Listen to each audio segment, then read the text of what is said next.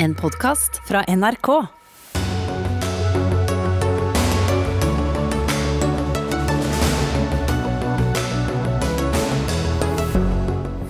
Omikron-varianten av koronaviruset er ankommet Norge. Fire tilfeller så langt registrert, regn med mange flere.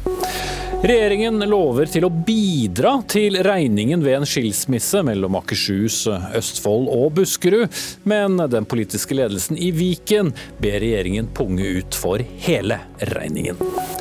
Nesna får ikke noen selvstendig høyskole. Løfter er blitt brutt, hevder aksjonist. Senterpartiet sier noe slikt aldri har skjedd.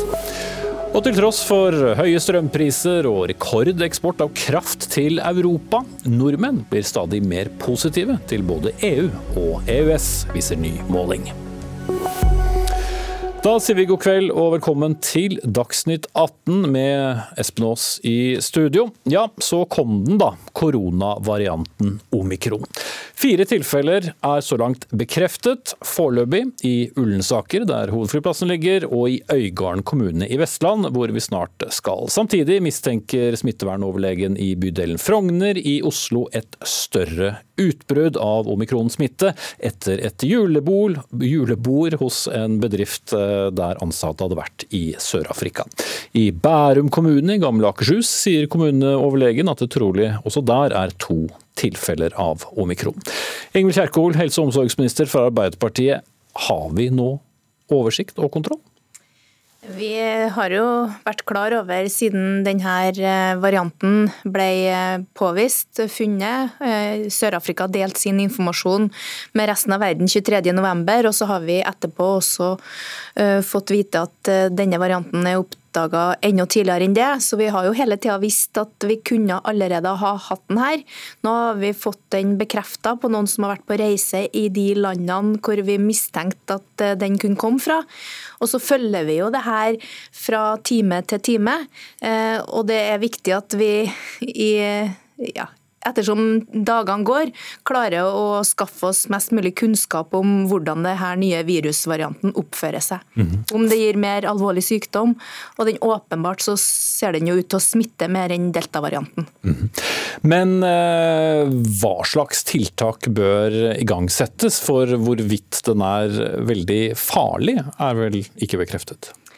Nei, det er ikke bekrefta. Her vil nok FHI kunne si mer enn meg om hva de vet om hvordan det her slår ut. Eh, det vi hadde klart eh, allerede fra helga, det var jo en forskrift som ivaretok hvordan vi skulle håndtere de første tilfellene. Det har de fått testa ut i Øygarden nå, hvor de eh, sendte vedkommende rett i smittekarantene, også for nærkontakter. Og jeg vil si at kommunen har gjort en veldig god jobb med å håndtere det her så langt. Men det er jo enkelttilfeller, sånn at vi må forberede oss hvis vi får større utbrudd, og det jobber vi med eh, time for time. Mm.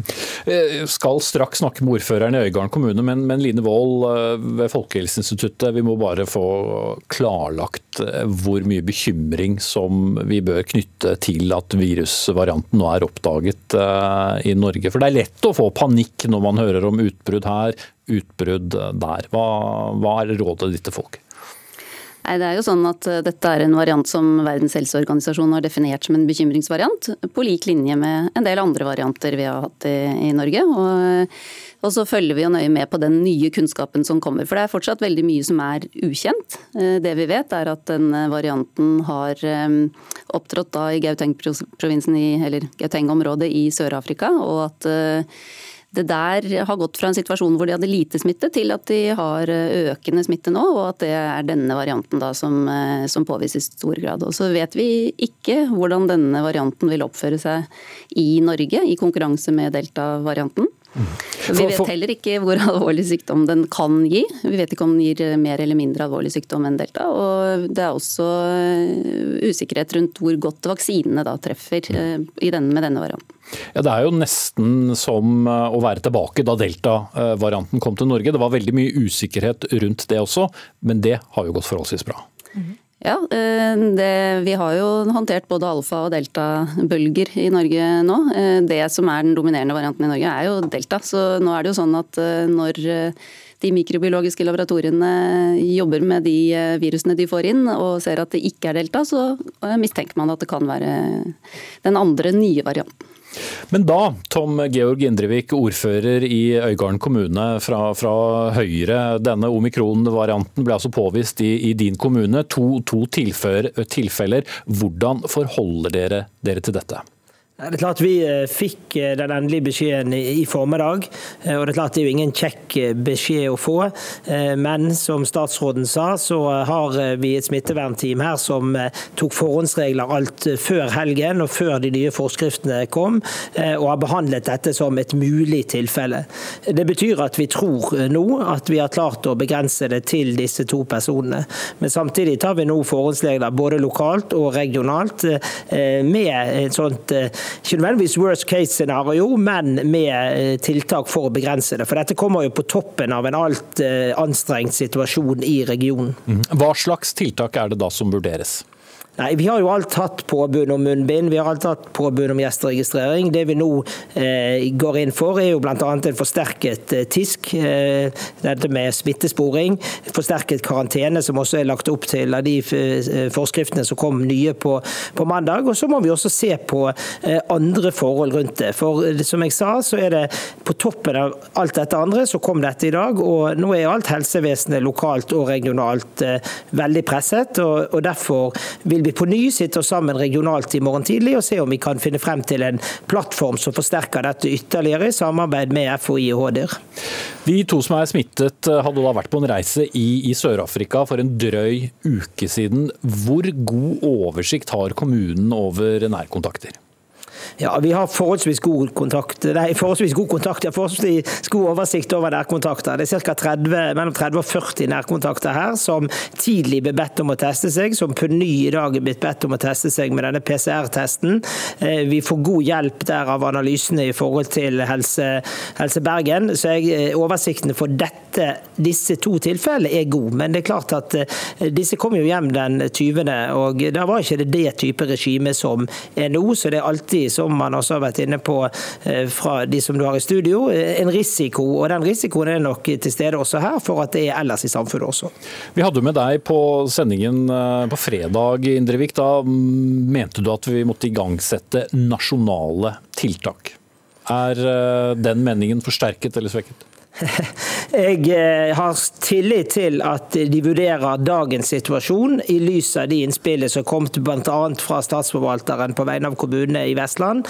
Og jeg tror jo på en del områder så vil dette også fremtringe raskere nasjonale eh, tiltak, i form av dette som har, som vi har vært inne på tidligere, dette som har med munnbind, dette som har med gjesteregistrering. Men det som er kanskje viktigst for oss nå, at vi skal gjerne ta ansvar og innføre tiltak, men det er viktig da at det kommer kompensasjonsordninger til næringslivet som blir rammet når vi tar ansvar for å stramme til. Mhm, det skal vi snakke om eh, litt mer senere òg, men, men Kjerkol. Eh, vi vet altså eh, lite foreløpig om denne varianten av viruset, men man må ta forholdsregler. Bare i en by som Oslo, folk bor tett, kan det være minimum 30-40 som kan være smittet av denne varianten. Hva tenker du må igangsettes? Det vi vurderer, det er jo flere tiltak som kan eh, forskyve utbredelsen.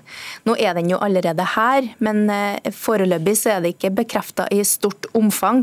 Så vi vurderer jo flere innreisetiltak for å, for å, være, eh, for å ha opp den skansen fra andre land. Og så må vi også se på hvor om hvor inngripende tiltakene blir, og hvordan de påvirker øvrig samfunnsliv. Jeg syns ordføreren sier det veldig godt. De skal gjerne være med å ta ansvar lokalt, men det er klart alle inngripende tiltak, jo mer inngripende de er, jo større konsekvenser har det for samfunnets strukturer og for økonomien. Mm. Så det her forholdsmessigheten vi hele tida vurderer, og det at at denne varianten nå kommer på toppen av at kommunene har veldig mange andre oppgaver i å håndtere pandemien. Det er jo, det er jo kommunene som er frontlinja vår. De driver både smittesporing, de driver vaksinering, og de skal samtidig gi forsvarlige helsetjenester til alle innbyggerne, ikke bare dem som har covid-19. Så Det er bekymringa vår, at vi har de fagfolkene vi har. Og mange er jo, Det er jo to ting folk er særlig bekymret for. Det ene er jo selvfølgelig at vi må stenge ned eh, samfunnet igjen. Samtidig er også folk veldig bekymret for mm. at vi skal få mye spredning og at folk skal bli syke. Og som nevnt flere ganger, Det siste vet vi lite om når det gjelder akkurat denne varianten. Men hvor høy terskel har regjeringen før den i hele tatt vil vurdere å stenge ned? Vi vurderer det her fra time til time, dag til dag. Så det er ikke utelukket? Nei, men nedstenginga har også veldig store negative konsekvenser. Så det vi ønsker er jo å bruke virkemidler som kan avlaste helsetjenesten. Og så ønsker vi å få bedre oversikt og kontroll, og forsinke utbredelsen av denne ukjente varianten som vi fortsatt vet for lite om. Og Linevold, Hva er det viktigste å få på plass av kunnskap når det gjelder denne nye varianten nå, og hvor, hvor raskt kan vi i så fall få det? Det er jo de tre viktige egenskapene som vi nå ønsker å få mer kunnskap om. og Det er hvor smittsomt det er, eh, og hvor alvorlig sykdom eh, gir denne nye varianten i forhold til eh, delta og andre varianter. Og, og også hvor godt treffer vaksinene. Og så er det jo sånn at vi vi har jo planer eh, for eh, hvordan man kan oppskalere, eh, og de rådene har vi jo gitt til flere kommuner og regioner allerede. og Det er, det er mange verktøy i verktøykassa som kan brukes, og som vi vet virker, dersom vi trenger det. Og Så må det vurderes og gjøres forholdsmessighetsvurderinger rundt, og, og det gjør kommunene, og det gjør man på regionnivå, og det gjøres også nasjonalt. Og for de som måtte lure på det, man kan, oppdage, kan man oppdage at det er omikron med en helt vanlig koronatest? Eller må det gjøres ytterligere prøver? Det gjøres eh, ytterligere tester for å avdekke om det er eh, omikron. Eh, det er jo sånn at Man først påviser om det er SARS-CoV-2-virus eller ikke, og så kan man gjøre en screening for å se om det er delta eller ikke. som er relativt, Det er en, en metodikk som er på mange laboratorier. og så Hvis de da ikke er delta, så kan man undersøke. Da antar man det er omikron i dagens situasjon, og så går man videre med analyser av det. Helt til sist, og jeg vet ikke hvem av dere som vil svare på det. Hva er rådet til de som vurderer å reise enten utenlands eller innenlands denne måneden? Det vi har sagt er at eh, det er jo eh, en usikker situasjon i mange land, og vi ser at det implementeres tiltak ganske raskt. og ikke, Vi går jo ikke ut og fraråder reiser, vi er ikke der. Men, eh, men, det er nok grunn til å ta med det i betraktningen når man planlegger reiser. Mm. At det kan komme tiltak raskt som kan gjøre det litt mer komplisert. Man burde kanskje ikke bestille seg reise, i hvert fall? Nei, Nå har jo UD oppdaterte reiseråd for nordmenn, og så vil jeg nå oppfordre folk til å i hvert fall kjøpe fleksible billetter. Da holder vi både økonomien i gang, og man kan avlyse på kort varsel hvis situasjonen skulle endre seg. Men mm. vi har ikke gått ut og fraråda noen å reise, som det blir sagt fra FHI her. Ok, da puster vi sånn foreløpig med magen, for å sitere en som var i studio til denne uken. Takk til Line Wold fra FHI, Ingvild Kjerkol, helse- og omsorgsminister, og med oss eh, fra fra Bergen, ordføreren i Øygarden kommune, Tom Georg Indrevik.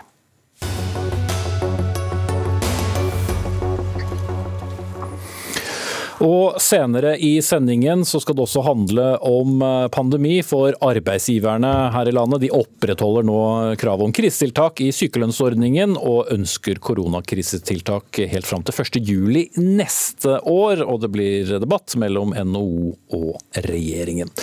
Men nå noe ganske annet. Regjeringen lovet i dag å åpne pengesekken og bidra økonomisk til en eventuell oppløsning av storfylket Viken. Merk dere ordet 'bidra', for mens finansminister Trygve Slagsvold Vedum fra Senterpartiet i et intervju med NRK i dag sa at Viken ikke skulle bekymre seg for pengene, sa han også at det må skje på billigst mulig måte. Så helt hva det betyr dersom Viken for fylke skal forvandles tilbake til Akershus, Buskerud og Østfold, som ikke er bestemt, det vet ikke jeg, men fylkesrådsleder og sjef i Viken, Siv Henriette Jacobsen fra Arbeiderpartiet, hva bør det bety?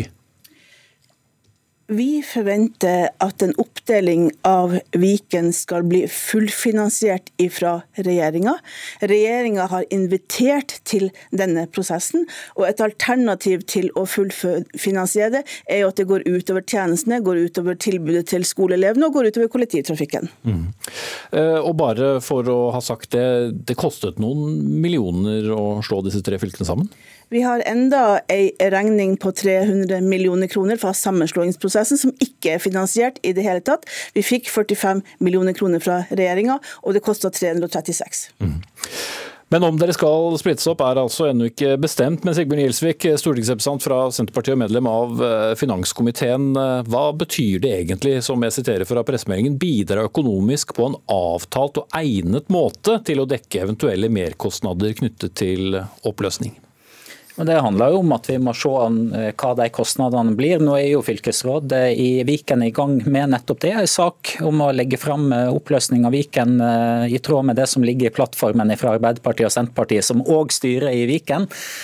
Og Da må vi se de tallene når de kommer. Men det er jo nettopp når finansministeren sier vi må gjøre det på billigst mulig måte. altså Det må jo alle være enig i at det her skal koste minst mulig. Men, men hvem definerer hva som er billigst mulig jo, måte? Jo, er det jo, hun det... som leder fylket, eller dere som sitter i regjering? Jo, men Det må jo sette oss ned og ha en god dialog om. Og, og Det er jo nettopp det. Det aller billigste utgangspunktet hadde jo vært å sørge for å ikke ha noen sammenslåing i hele tatt. Mm. I motsetning... Det toget har gått Jo, jo, jo. Men hvis du ser, ikke sant? det som skjedde i utgangspunktet, var jo at et knapt flertall på Stortinget overkjørte folk og folkevalgte, og i tillegg heller ikke var villig til å ta regninga. Sånn kan ikke vi ha det. Så at det at en setter seg ned med fylket, bli enige om hva det her faktisk koster, og så eh, finne ut hvordan en skal bidra inn i det. Det mener jeg er en klok og fornuftig måte, sånn at vi får oppløst Viken, få tilbake de gamle fylkene på en god og fornuftig måte. Men du representerer jo eh, ikke Viken, da, men du kommer jo fra en av kommunene som ligger i dette storfylket i dag. Ville du ikke heller brukt millioner av kroner på helt andre ting enn uh, å fjerne veiskilt og logoer og hva man nå enn har brukt penger på i, dette storfylket? Ja, Når det gjelder veiskilt f.eks., så utfordrer jeg daværende Frp-statsråd i Samferdselsdepartementet at han kanskje burde ta vare på disse veiskiltene, sånn at de kunne tas i bruk igjen når vi overtok uh, makta. Men, men, men, jo, men spørsmålet er, er, er, det virkelig verdt å bruke enda hundrevis av millioner kroner, eller hva det nå kommer til å koste? Jeg tror det Eh, det koster mindre å gå tilbake igjen til de gamle fylkene enn det det koster å, å tvangssammenslå, sånn som høyresida gjorde.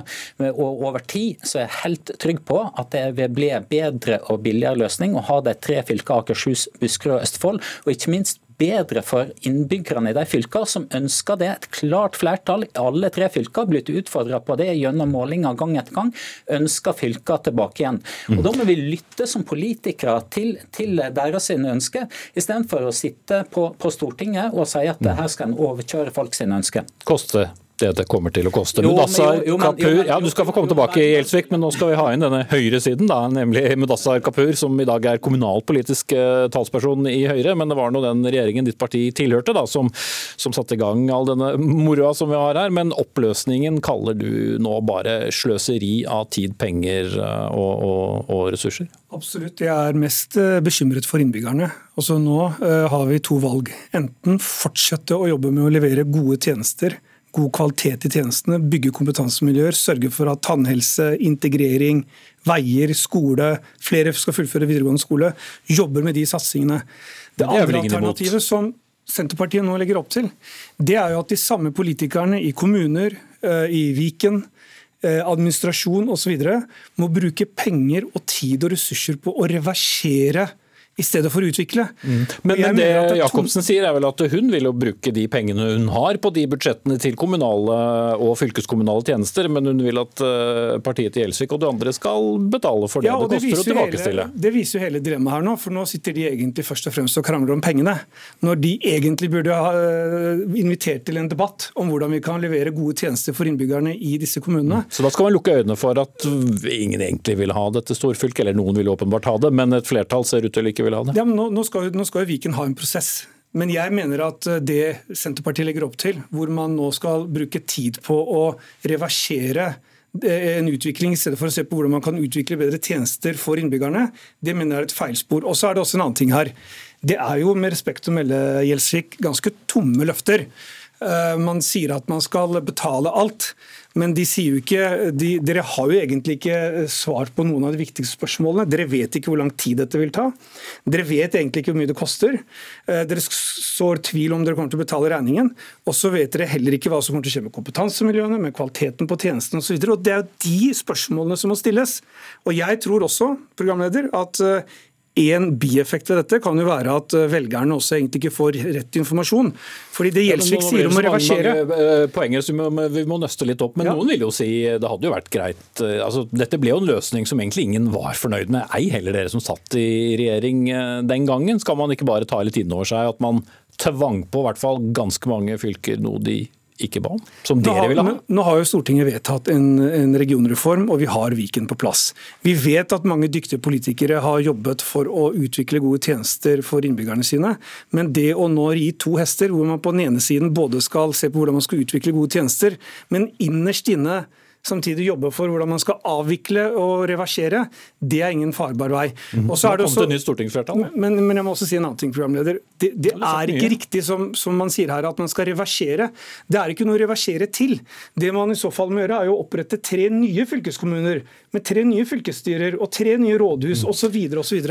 Men det er jo en viss erfaring i å ha akkurat det, da, ikke så langt tilbake i tid. Men forstår du at en del vil være bekymret både for kvaliteten på, på tjenester og, og økonomien her. og Jacobsen har sikkert sitt å si om det, men jeg begynner med deg, Gjelsvik. Nei, det her skal skje gjennom god dialog eh, med de som eh, er folkevalgte lokalt, og med innbyggerne lokalt. I motsetning til hva som ble gjort fra høyresida, som uten utredning, uten dialog, bare etablerte Viken, som mm. ingen ja, den historien har jeg dratt, men la oss se fremover. nettopp det. Vi ønsker å gjøre det på en helt annen måte. Vi òg ønsker å stille opp for fylkene på en helt annen måte enn høyresida.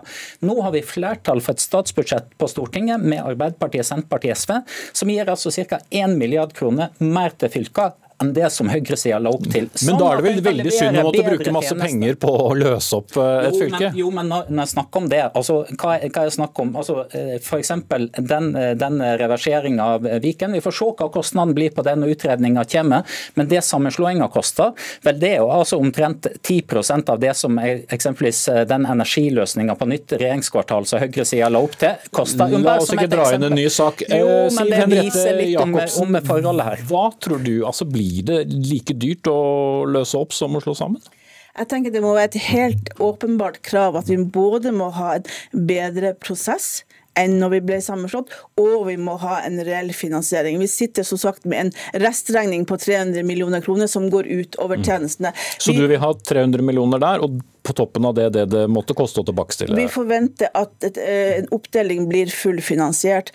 Vi vet hva dette vil koste. 70 18.12. Det er ingen som vet noe om det nå, men det har vært antydet at det koster omtrent det samme å dele opp som det koster å slå sammen. Men det som er veldig viktig, er at når vi får Så da en 600-700 millioner, da? Når vi får disse regnestykkene på bordet, så er det slik at dette er det det koster, og vi skal gjøre det på absolutt billigst måte, fordi at vi har ikke tid til noe annet. Vi har ikke tid til lange prosesser, vi har ikke tid til å bygge opp noe nytt, så vi skal gjøre det på billigst mulig måte. Og da kan vi ikke forhandle med regjeringa da er det det det koster, og da må de pengene komme på bordet. Mm. Men du gikk noe blankosjekk på 600-700 millioner kroner her og nå, Gjelsvik? Umiddelbart når den utredninga er på bordet, så skal vi selvsagt sette oss ned i god dialog med det Senterpartiet, Arbeiderpartiet styrte Viken, og finne gode løsninger der.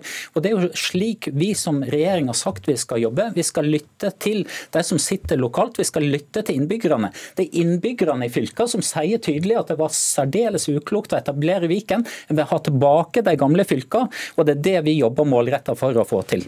Kapu.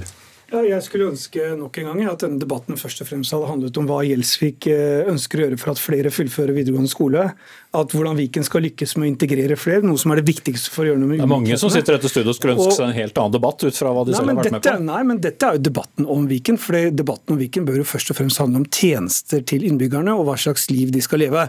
Ikke den krangelen mellom Arbeiderpartiet og Senterpartiet. Jo, men samtidig så er jo, sier jo Siv Henriette Jacobsen, som leder fylket, at de vil jo bruke de pengene de har, og utvikle alle tjenestene som er lovpålagt et fylke, som er videregående skole og alle disse tingene. Men så Jeg altså tviler ikke på at lokalpolitikerne ønsker å gjøre det, men når regjeringen legger opp til at lokalpolitikerne først og fremst må bruke ressursene sine på å reversere og avvikle Nei, tjenestene Han skal stedet for betale for det. Ja, hvis det er en garanti For- som for- som Forskjellen med, med Dassa Kapur er at vi lytter til lokale folkevalgte. Vi lytter til innbyggerne som ønsker tilbake sine gamle fylker, fordi at det gir den beste løsninga for å kunne utvikle gode tjenester for framtida.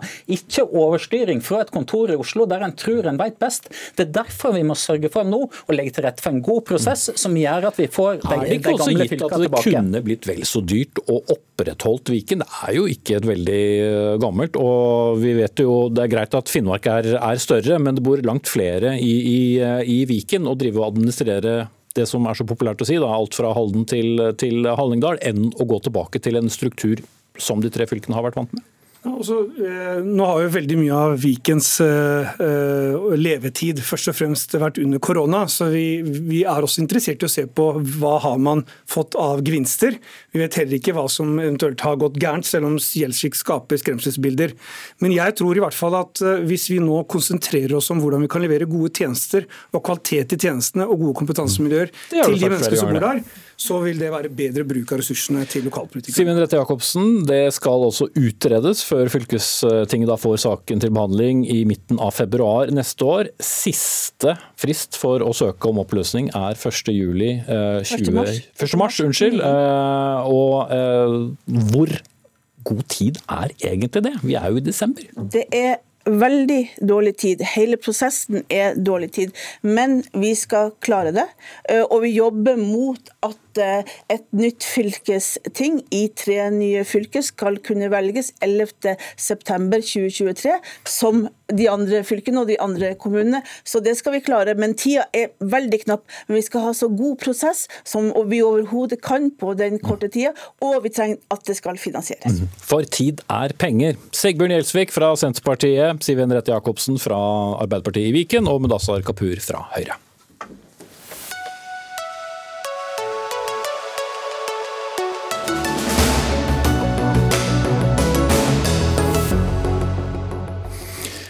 Har vi snakket om en omgjøring, så kan vi vel ta to. For etter en eh, valgkamp med lovnader fra nettopp Senterpartiet om å etablere en høyskole på Nesna, ble det i dag kjent at tettstedet ikke får en egen selvstendig utdanningsinstitusjon. Studietilbudet på Nesna organiseres, som det var før, av Nord universitet, som som kjent for tre år siden vedtok å legge ned den gamle høyskolen på Nesna. Dette viser full måloppnåelse, har forsknings- og høyere utdanningsministeren vår sagt eh, i dag. Men eh, vi skal først høre med Jenny Myklebust, leder av Folkeaksjonen for høyere utdanning på Helgeland. Hvordan reagerer du og de andre i denne aksjonsgruppen på, på beskjeden i dag?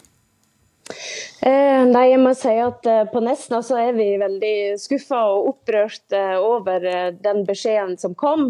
Eh, det var jo interessant at Gjelsvik her eh, fra Senterpartiet sier i innlegget før at Senterpartiet lytter til lokale folkevalgte, og de lytter til innbyggerne.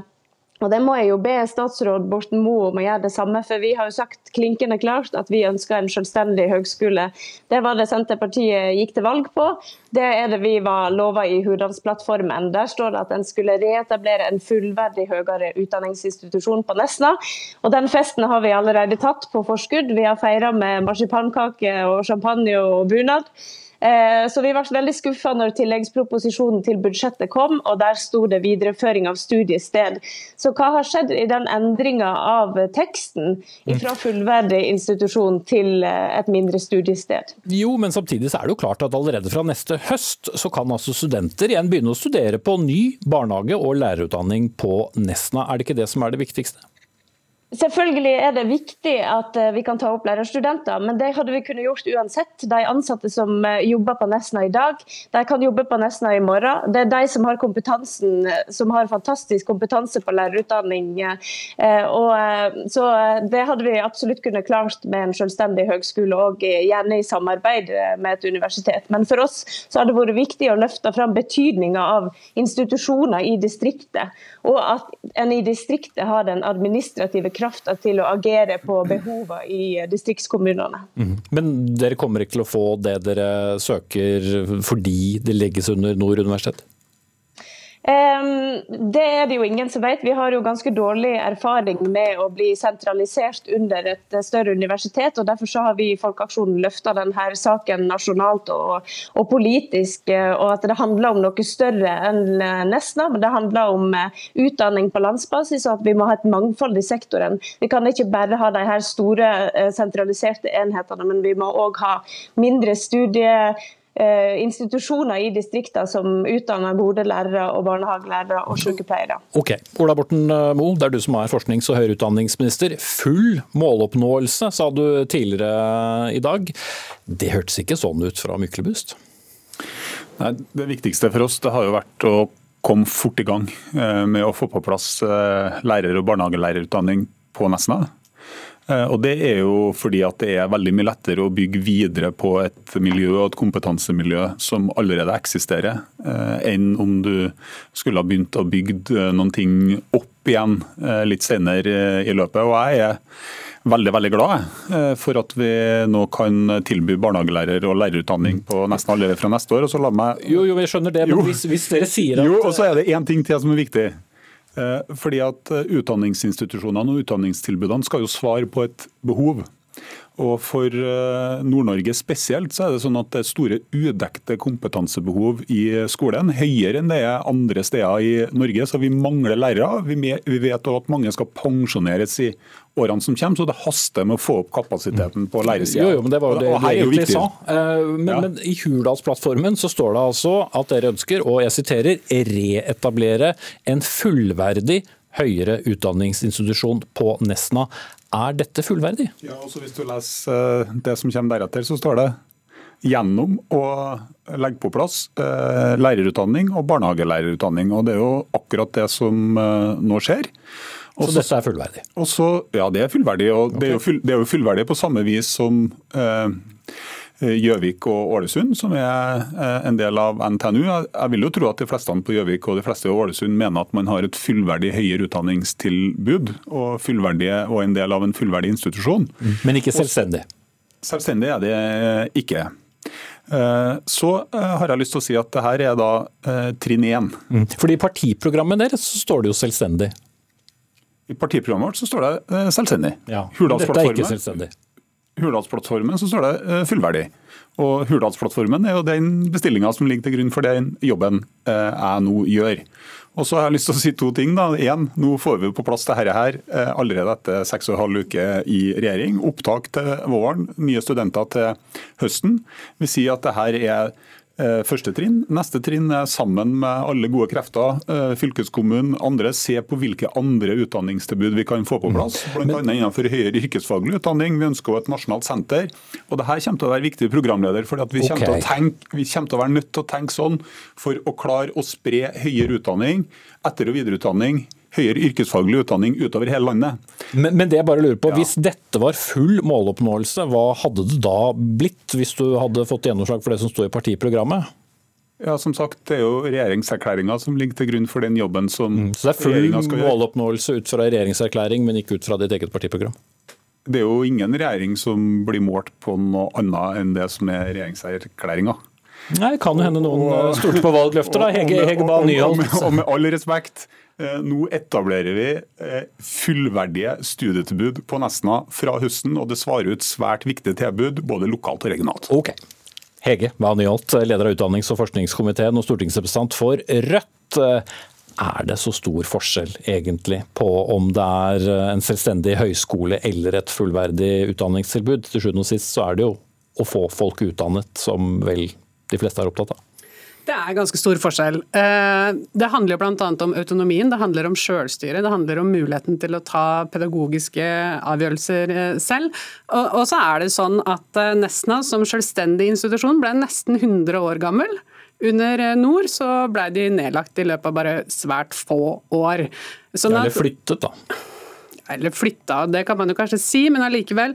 Eh, det skaper en usikkerhet. Det oppleves ikke som en fullgod eh, løsning, men mer som en plan B, det som blir lagt fram nå. Mm. Men det Borten Moe og regjeringen har gjort, er jo egentlig å reversere det som eh, Universitetet Nord, eller Nord universitet gjorde. De flyttet den fra Nesna til Bodø. Regjeringen sier nei, vi skal ha det der. Så Da har de vel gjort det de lover, da? Ja, men Det betyr ikke nødvendigvis at det er godt nok. Altså, det som Folkeaksjonen krever, er jo et fullverdig, selvstendig eh, tilbud på Nesna. Og Rødt støtter det eh, kravet fullt ut. og Det handler jo om det som har blitt sagt flere ganger fra både Borten Moe og fra Myklebust, om at vi har behov for utdanningsinstitusjoner rundt omkring i distriktene som kan utdanne folk der de bor og der de skal jobbe, sånn at vi får gode lærere, barnehagelærere, sykepleiere osv. Og, og det starter altså til høsten. Tror du det er stor fare for at Nord universitet en gang til legger ned lærerutdanningen på Nesna, etter at regjeringen sånn sett har overstyrt den avgjørelsen? Jeg syns det er litt vanskelig å spekulere eller predikere hva som kommer til å skje i framtida, men det er jo helt tydelig at det er en usikkerhet som ligger i det her samarbeidet som kommer. Og klart at man har dårlig erfaring med, med å skulle være en del av Nord universitet. og Det er vanskelig, vil jeg tro, å skulle starte opp igjen på nytt nå. Så at frykten er jo at dette bare blir et blaff. Ja, og, um, jeg tror for så vidt at uh, både Nyholt og, uh, og Myklebust Eh, i hvert fall i andre sammenhenger vært inn på viktige poeng her. Eh, fordi at Hvilken forutsigbarhet kan man gi for at dette tilbudet skal være eh, til stede over tid? Og Det tror jeg er viktig både for studentene som forhåpentligvis søker. Jeg tror ikke minst det er uhyre viktig for en dyktig og kompetent arbeidsstokk, som jeg håper blir med videre og ser at man har fremtid på Nesna. Da må du ha en forutsigbarhet og en fremtid. Mm. Og mange studenter som søker seg dit. Korrekt. For, for alle sammen. Og For denne regjeringa er dette et langsiktig løp. Vi har jo også andre formuleringer i regjeringsplattformen som sier det at det å ta vare på eller opprette viktige studiesteder, det er et politisk ansvar. Sånn har det jo vært i Norge tidligere. så det er jo det er knapt en utdanningsinstitusjon som ikke er oppretta som en konsekvens av et politisk vedtak. Mm. Men i dette tilfellet så har vi altså eh, ramma inn det gjennom at vi sier at det er eh, det som nå skal skje på Nesna, det kommer til å bli hjemla i en kongelig resolusjon. Og Det betyr jo i praksis at du må ha ei eh, regjeringsbehandling, godkjenning av kongen, før det eventuelt kan endres. og Da er det ikke opp til styret i Nord universitet å bestemme det. Det var 430 studenter på høyskolen på Nesna året før det ble vedtatt at det skulle legges ned. Av disse var 21 det som heter tilstedeværende studenter på, på campus. Hvis det også er fortsettelsen, skal det da fortsatt være et utdanningstilbud? Nei, jeg tror man, eh, og spesielt utover i landet, så der, der må jeg si at jeg, jeg vil ta litt avstand fra virkelighetsbeskrivelser. Altså, Dette er tall som har blitt brukt mot Nesna-miljøet eh, gjentatte ganger. Jeg tror tvert imot at det som du kalles... tror ikke det stemmer? Nei, jeg bare, det jeg skulle si var at jeg tror at det som man kaller samlingsbaserte utdanningstilbud, altså vil si at man samles eh, på campus i kortere eller lengre perioder. Så har man hjemmeundervisning som man kan kombinere med, med, jobb og familieliv. Det tror jeg kommer til å bli stadig viktigere i Norge etter hvert som eh, både studentene blir eldre og sannsynligvis har livet siden av, og fordi at vi trenger å nå nye grupper eh, for at vi skal klare å utdanne større deler av befolkninga. Så det å si at det er et mindreverdig studietilbud, det syns jeg ikke at program, programlederen skal slippe lett unna med. Ja, det, det, var, det, var, det, var, det, men var, det var et tall som ble brukt. Og god kvalitet på de utdanningstilbudene som, som Nesna ga. også før Myklebust, da har du hørt eh, statsråden og lederen av utdanningskomiteen. Er du beroliget? Ja. Um, jeg kan jo si Det at uh, det er viktig nå framover at uh, statsråden lytter til de ansatte og til studentene. I morgen så arrangerer vi Folkeaksjonen for høyere utdanning på Helgeland en utdanningspolitisk uh, konferanse der vi spør hva betyr Hurdalsplattforma for høyere utdanning på Helgeland og for Distrikts-Norge.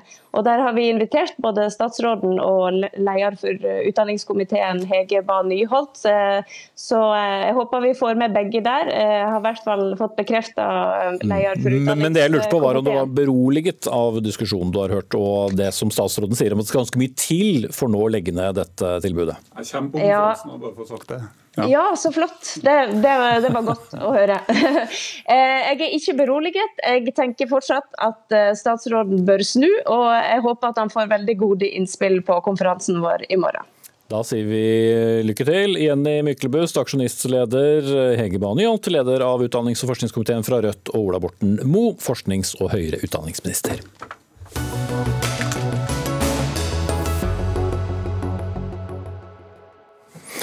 Etter hvert som eh, smitten, eh, ja du vet hvilken smitte jeg snakker om, har økt igjen, presser nå arbeidsgiverne på at regjeringen på nytt må ta regningen for det som vi omtaler som koronarelatert eh, sykefravær. Som vi vet så får vi beskjed om å være hjemme dersom vi har symptomer. Og Derfor så gikk Spekter, Virke NO og KS tidligere denne uken ut og ba regjeringen om å gjeninnføre ordningen der, der, arbeidsgiveren, der arbeidsgiveren kun dekker de tre første dagene av arbeidsdagen arbeidstakernes lønn, og ikke 16 som er det vanlige, og som nå er eh, tilfellet. I store deler av fjoråret så dekket regjeringen da de påfølgende 13 dagene. Men da statsminister Jonas Gahr Støre hadde redegjørelse i Stortinget i går, så berørte han ikke dette spørsmålet. Og Nina Melsom, arbeidsdirektør i NHO. Med en vaksinert befolkning, er det da et poeng å ha det samme regimet på sykepenger som vi hadde da knapt noen var vaksinert? Absolutt, mener vi. Det er, eh, For å bare forklare helt eh, kort. Det er sånn at eh, Når vi er syke og det medfører arbeidsuførhet, så har vi krav på sykepenger. Og Arbeidsgiver dekker de første 16 dagene. Og Så fikk vi en spesialbestemmelse under korona. og Det var fordi myndighetene ba oss om å være ekstra forsiktige. Så vi hadde krav på, vi har krav på sykepenger også ved såkalt koronarelatert sykefravær. Mm. Og det betyr, ikke, og det betyr jo egentlig at vi er bedt oss om å holde oss hjemme i situasjoner som vi normalt ville gått på jobb. Og Det, det er bra, for det betyr at vi som arbeidstakere vi holder oss litt ekstra hjemme når vi hoster litt eller når vi nyser litt. Mm. Og Det er vel bra for økonomien i bedriften også, så ikke flere blir syke? Nei, Det er det det ikke er. fordi Det vi hører nå fra våre medlemsbedrifter, det er at sykefraværet går dramatisk opp. For eksempelvis eh, Securitas de som kan ta med seg PC-en hjem, de kan jobbe som mer eller mindre som normalt. Men de som har driftsoppgaver ute i felt, der øker sykefraværet. Og Det gjør det i byggebransjen, det gjør det i transport, det gjør det i helse og omsorg, bare for å nevne mm. noen, noen bransjer. Og den kostnaden fordi at eh, arbeidstakerne nå har en ekstraordinært rett til sykepenger, mener vi at det er riktig at eh, myndighetene er med å bære. Mm. Truls Wickholm, statssekretær i Arbeids- og sosialdepartementet fra eh, Arbeiderpartiet. Når beskjeden er at vi skal holde oss hjemme dersom vi har symptomer på, på luftveisinfeksjoner, hoster og, og snufser, skal da arbeidsgiverne betale hele regningen? For det er dere som kommer med beskjeden som, som myndigheter? Først må jeg bare si at eh, Vi er veldig glad for å ha den, eh, den gode dialogen som vi har med arbeidsgiverne og, og, partene. Gratulerer med dagens første, først vil jeg bare si. Ja, også spørsmålet. Tusen takk. Eh, hva kommer til å være premien?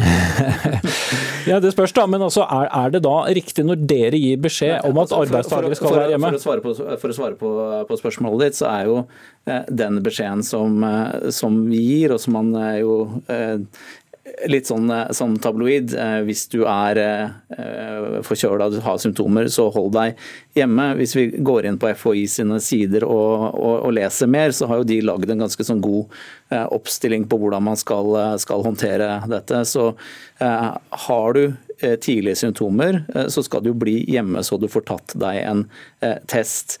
Hvis testen er negativ, men du har snufsing eller lett hodepine, den type ting, så skal, så, så skal du gå på jobb. Mm. Og potensielt smitte, smitte da andre som må bli hjemme og, og teste seg? da? Altså, det er jo sånn at vi, vi lever med en del eh, sykdom, forkjølelse eh, i, i, samfunnet. og Det var også noe av budskapet i talen til statsministeren. At eh, vi skal tilbake i en mer eh, normal situasjon. Eh, og Hoveddelen av tiltakene nå handler jo om å forebygge mer smitte. Det er vaksine som er hovedgrepet for å, å gjøre det. Eh, og Det var en ganske sånn tydelig beskjed som ble gitt til eh, norske kommuner nå, at nå skal man i gang med å vaksinere med det nivået som man var på tidligere eh, i høst. Opp til okay. 400 000. Og, og, Nina Melsom, det å teste seg når du kjenner at du er syk, og, og så få svaret på testen, dette kan jo fort skje innenfor de tre dagene, så da er det kanskje ikke så viktig? da? Jo, Det er der jeg tenker at Wickholm må høre på oss. fordi at Dette er et brev som går fra en samlet arbeidsgiverside, og hvor alle arbeidstakerorganisasjonene også har sluttet seg til.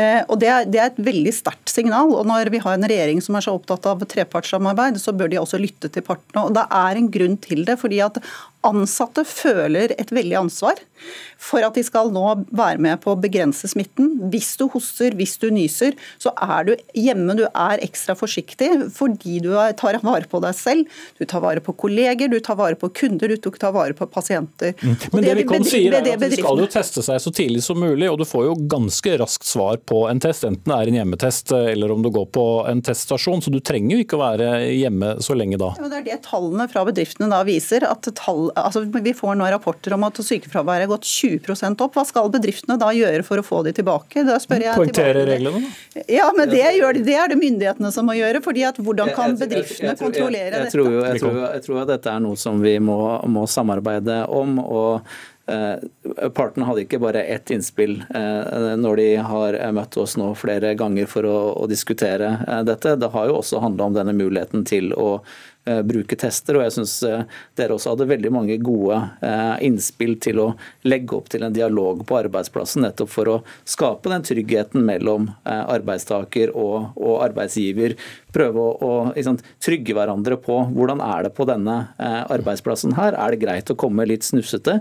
Ja, fordi jeg har tatt en test. Og så har vi tillit til hverandre på at det er det som har faktisk skjedd. Hvis Så, så arbeidsgiveren tar ikke ansvaret bevisst nok? Hvis jeg har skjønt den store bekymringen til NHO og for så vidt også til oss som samfunn, så handler det om å eh, få tilgang på denne arbeidskraften eh, nå i denne perioden, sånn at samfunnet ikke stopper opp, sånn at vi kan holde eh, hjula i, i gang.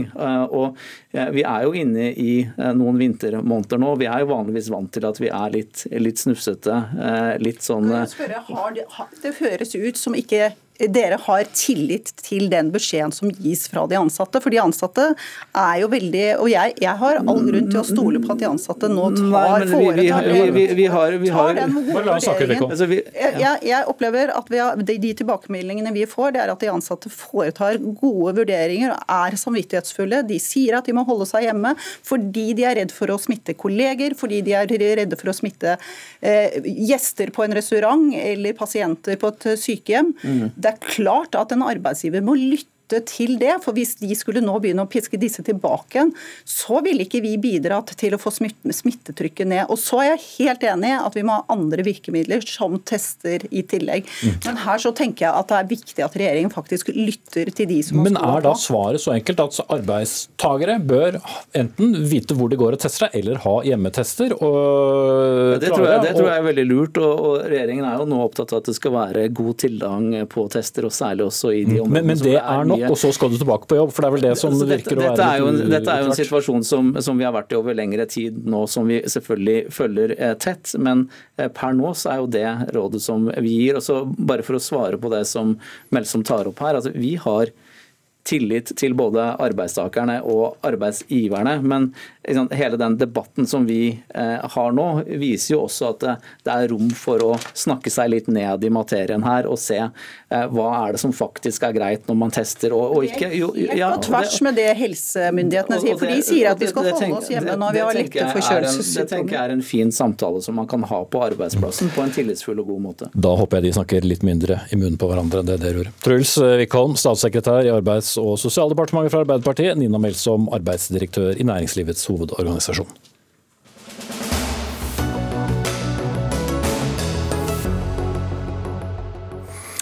Hei eller Fortsatt nei til EU eh, e og EØS er neste tematikk. For mens regjeringen har sagt den skal utrede EØS-avtalen, så viser en ny måling i Nasjonen og Klassekampen at motstanden mot avtalen, altså EØS-avtalen, aldri har vært lavere. Ifølge Sentios måling er motstanden mot EØS-avtalen for første gang på under 20% Samtidig stiger også andelen av befolkningen som ønsker et norsk medlemskap medlemskap i EU til 34,1% Det er den høyeste oppslutningen siden april 2010.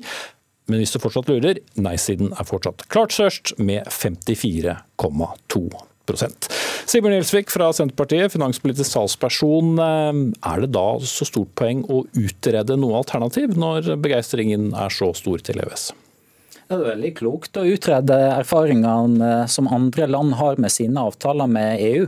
Det som skal huske på at Siden Norge inngikk EØS-avtalen i 1994, så er det altså ingen andre land i verden som har valgt den løsninga. EU har ikke krevd det når de har forhandla med andre land, og heller ikke andre land som har eh, ønska å gå inn på det. Og Da mener jo vi at det er fornuftig. og da utrede de erfaringene som andre land har med sine avtaler, enten det er noe Canada, Korea, Sveits, Storbritannia, mange ulike land. Og så bare I løpet av de siste åra er det mellom 15 og 20 nye avtaler som EU har inngått.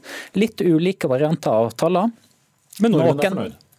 Ja, altså eh, Nordmenn eh, har ikke vært bare fornøyd med det som har kommet gjennom EØS-avtalen. Hvis en har eh, sett på en del av de debattene som har vært de senere år, ikke minst knytta til avgivelse av makt fra, fra, norsk side over både finanspolitikk, over vitale deler av norsk energi, energipolitikk gjennom EUs energimarkedspakke, når en ser konsekvenser av det. På, det er vel et paradoks at oppslutningen nå er høyere da, med all den debatten vi har hatt om både strømpriser og og strømkabler de siste månedene. Da burde vel heller eh, oppslutningen gått andre veien? Nei, men altså det Vi har hatt er jo ikke, vi har ikke hatt en debatt om EØS-avtalen som, eh, som, sådan. og Det er et bredt flertall på Stortinget som, eh, som står bak EØS-avtalen. og Det legger jo òg Senterpartiet Arbeiderpartiet jo, men det legger jo Senterpartiet Arbeiderparti-regjeringa til grunn òg, at det er et bredt flertall både i befolkninga og Stortinget per i dag som, som er for EØS-avtalen. sånn at Det spørsmålet er jo ikke oppe til diskusjon fra regjeringas side. Men det å gå gjennom de erfaringene som vi har med EØS-avtalen okay. på ulike områder, og de erfaringene som andre land har, det er jo veldig fornuftig av et land som Norge. Mm. Sveinung Rotevatn, finanspolitisk statsperson fra Venstre. Hvordan leser du den økte oppslutningen til både EØS-avtalen og en mer positiv befolkning til, til selve EU enn før? Jeg tror det har med å gjøre at vi lever i en urolig tid. Eh, og Folk ser at det å samarbeide med våre nærmeste naboland det gir oss trygghet, både økonomisk og sikkerhetsmessig. Og så har mange lenge tatt det for gitt, men så ser en hva er alternativet? Jo, det er f.eks. Storbritannia som har valgt å melde seg ut. Det har ikke vært noe stor suksess. Eh, og det har ført til en høyere oppslutning om EU i alle EU-land, og en høyere oppslutning om EØS i Norge. Og Med den målinga som nå kom i dag, så ser vi jo altså at det er heldigvis brei støtte til EØS-avtalen. Men hvis vi først skal snakke om alternativ, så er det altså mange flere som er enig med meg og Venstre i at alternativet bør være å bli med i EU, enn som er enig med Senterpartiet at vi bør si opp EØS-avtalen. Og Da tenker jeg at Senterpartiet og de andre som nå skal drive og utgreie måter å si opp EØS-avtalen på, for det er jo det de skal, den utredninga bør de helst bare la være å gjennomføre. Skal de først gjennomføre den, så må de i alle fall vurdere det alternativet som ikke Korea og Canada har valgt, men som alle våre nærmeste naboland har valgt. Danmark, Sverige, Finland. Det er kanskje noe å se på, og ikke erfaringene til Korea. Men så er det sånn at spørsmålet som er stilt til eh, Ola og Kari Nordmann, er jo om du vil ha EØS-avtalen EØS-avtalen eller ikke. Men vi vet jo ikke om nordmenn kunne tenkt seg en litt annerledes EØS-avtale, eh, e da? Som er reforhandlet? Jo, det er jo ganske mange som vil det. De vil ha EU-medlemskap. Eh, også hvis du ikke skal det, hva gjør du da? Vel, da er det noen alternativ du kan se på, og det er vel det jeg antar at Senterparti-regjeringa nå skal gjøre. Det er Storbritannia, der en jo må beordre militære ut for å kjøre lastebiler istedenfor varer i hyllene. Det er Sveits, som er i full konflikt med EU nå, der sveitsiske forskere og studenter ikke får delta i felles europeisk program. Eller det er jeg vet ikke, Ukraina, Russland. Altså, Dette er jo ikke noe å trakte etter. Vi må knytte oss nærmere til Europa, ikke fjerne oss fra det, slik Senterpartiet vil. Men det kommer ikke du til å ta til orde for, eh, Gjelsvik? Altså, jeg registrerer jo at eh, Rotevatn, som ønsker fullt medlemskap i EU, tar eh, våre naboland til inntekt for at det er en god idé. Altså, Sverige har ikke fullt medlemskap i EU. Danmark har ikke fullt medlemskap i EU. De er medlemmer i EU, men har gjort viktige unntak. Eksempelvis at det ikke er en del av Kunne du tenkt deg en sånn modell? Nei, jeg mener definitivt ikke at det er en god idé. Eh, men noe av den viktige forskjellen for svenskene og danskene er jo at de ikke har en felles valuta. Og noe av det som har vært viktig for Norge de senere år, er jo nettopp det at vi har hatt en selvstendig valuta. Så Her sitter jo også representanter for industrien. Du kan jo spørre norsk eksportrettet industri hva som hadde vært konsekvensen la oss si, fra perioden 2014-2015 og fram til i dag, dersom vi ikke hadde hatt en selvstendig valuta og eh, hatt mulighet til at valutakursen hadde svingt. Hvordan det har hatt konsekvens for norsk eksportrettet industri. Men at vi skulle vært en del av eurosamarbeidet er jo et, et langt hopp. Jeg, jeg, tror jeg, ja, jeg, tror jeg tar det spørsmålet jeg selv har på, på, på, på skjermen til, til Halvor Molland, informasjonsdirektør i, i Hydro Hydro. For Grunnen til at vi har invitert eh, deg og, dere hit, er jo at uh, denne uken ble klart at Hydro, Equinor og Panasonic skrinlegger planene om å lage en bilbatterifabrikk i Norge. En fabrikk som kunne stått klar i 2025 og betydd 2000 nye arbeidsplasser. Og Så ringte vi da for å høre litt om årsakene, og, og som, som, du sier, dette var en helhetlig beslutning, ikke direkte påvirket for så vidt av, av toll og brexit. men hvordan påvirker brexit mulighetene for Hydros prosjekter og produkter som er ment for å handle med f.eks. Storbritannia? Hydro har jo sammen med, med annen industri i Norge et fantastisk fortrinn. Eh, vi har jo et eh, fornybar energi, og vi har et stor produksjon, men vi trenger òg et marked for å kunne få sendt ut produktene. Med en, over en million tonn aluminium i året, så er ikke Norge et stort nok marked. Europa er det store markedet for oss. I forhold til den eh, batterisatsinga som vi hadde, så kom det et, eh, en utfordring der. Fordi brexit-avtalen mellom Storbritannia og EU gjorde at Norge i den sammenhengen ble sett på som et tredjeland. Så dersom vi skulle hatt en eh, fabrikk som produserte batterier i Norge, levert til tyske bilprodusenter, som da leverte bil til Storbritannia, så ville hele den bilen få en tilleggstoll på 10 inn i Storbritannia. Inn i Storbritannia. Ja, mens den ville hatt en vanlig pris i EU? EU, EU, ville hatt en vanlig pris. og da, Hvis den, den, batterifabrikken hadde vært plassert i EU, så ville den problemstillinga ikke vært til stede. Så Derfor så jo òg prosjektet vårt på å etablere en fabrikk i EU, men eh, de valgte å ikke gå videre med verken en fabrikk i EU eller i Norge. Mm. Så det er ikke liv laga hvis den skulle vært i, i, Norge, hvis du ser ut fra eh, hvordan markedet ville rådd, fordi den ville blitt for dyr å selge til et stort marked som Storbritannia, hvor elektrifisering av bilparken er i full gang? I dag ville det ikke vært det, men uh, Norge er jo en fantastisk plass for å kunne produsere batterier. Men det er jo en problemstilling som fortsatt må løses. Uh, fordi at den verdi, batteriverdikjeden som vi har i, i Norge, vil jo fortsatt møte på den problemstillinga fram i tid. Mm. Hvordan skal vi løse dette, Gjelsvik? Ja, Det er helt åpenbart en viktig utfordring å løse. Og Det er jo litt av problemet her, at den regjeringa som satt, der Sveinung Rotevatn var en del av, ikke har gjort jobben i forhold til å ivareta norske interesser. Og Det som vi er opptatt av, er jo å sikre avtaler med EU som sikrer bedre markedsadgang enn i dag. Og du mente ikke at han skulle meldt land inn i EU? Går Nei, som sikrer bedre markedsadgang enn i dag, og som samtidig sikrer det norske demokratiet og styringa på viktige samfunnsområder. Det Men hva konkret er han ikke har gjort? Det er bare for å spørre om det? Det er jo å sørge for at den situasjonen med batteritoll til Storbritannia eh, oppsto. Og det som er realiteten her, er jo at eh, Storbritannia, som meldte seg ut av EU, som heller ikke har EØS-avtalen har klart å ivareta sine interesser overfor EU på en bedre måte enn det som Norge har gjort. Bortsett fra bil, eh, biler da blir dyrere med, med batterier fra Norge. Men, men Storbritannia har ivaretatt sine interesser. Den regjeringa som Sveinung Rotevatn var en del av, har ikke sørga for å ivareta norske interesser overfor EU i den saken. Interessant å høre at Senterpartiet mener at Storbritannia har en bedre avtale med EU enn det vi har. I så fall så får dere jo se litt på de køene som der nå er, de økonomiske problemene de nå har. Men det til side. Poenget her er at når, poenget her, Jens, Gjelsvik, er jo veldig enkelt. Norge er ikke part til en forhandling mellom EU og Storbritannia. Det forhandler de seg imellom. Og Denne saka her illustrerer et veldig viktig poeng. og det er at EØS-avtalen er kjempeviktig for norsk næringsliv. Vi må ikke si opp den. Men den sikrer ikke norske arbeidsplasser fullt og helt. fordi EØS-avtalen er ikke et fullverdig EU-medlemskap. Og Vi er f.eks. ikke med i tollunionen. Det er det vi her snakker om. Og Det begynner å snakke om euro og valuta. ikke noe med Det er mange EU-land som ikke bruker euro. Men alle EU-land er med i tollunionen. Og Hadde vi vært med i tollunionen, så hadde det ikke vært toll på norske batteri på elbiler inn til Storbritannia.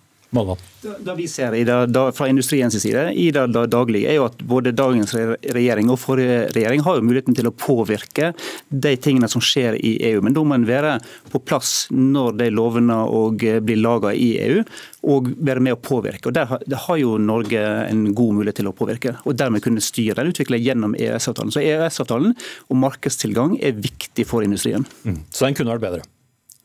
EØS-avtalen den, eh, den, ligger der som den, ligger i dag, men da å være til stede i, eh, i Brussel, da kunne fange opp de lovene som, som kommer og blir lagt og Det skjer jo ikke når, når loven er vedtatt, så er det jo for seint. Mm. Det må være tidlig nok til å kunne, kunne fange opp problemstillinger, ivareta norske interesser og påvirke de beslutningene som blir tatt. 20 sekunder til slutt, Gjelsvik. 20. Men Det er jo helt fantastisk det som Svein, Svein Rotvatn sier, at det, fordi at det var Storbritannia og EU som hadde en forhandling seg imellom, så skulle Norge bare sitte passivt og se hva som ble resultatet for det. At norske interesser ble trua, og i det tilfellet her kraftig på norske industriinteresser. Selvsagt må norske interesser ivaretas hver eneste dag. Jeg gikk det over de tilmålte 20 sekundene. Sendingen er over, den, skjønner du. Sigbjørn Gjelsvik fra Senterpartiet, Sveinung Rotevatn fra Venstre og Halvor Molland, informasjonsdirektør i Hydro, tar med nyhetsmelding melding på tampen, nemlig at Stavanger og Nord-Jæren innfører nå munnbindpåbud. Mer om det i Dagsrevyen, tipper jeg. Ansvarlig for denne sendingen, Ane Katrine Førli. Teknisk ansvarlig Finn Lie. Jeg heter Espen Aas. På gjensyn i morgen.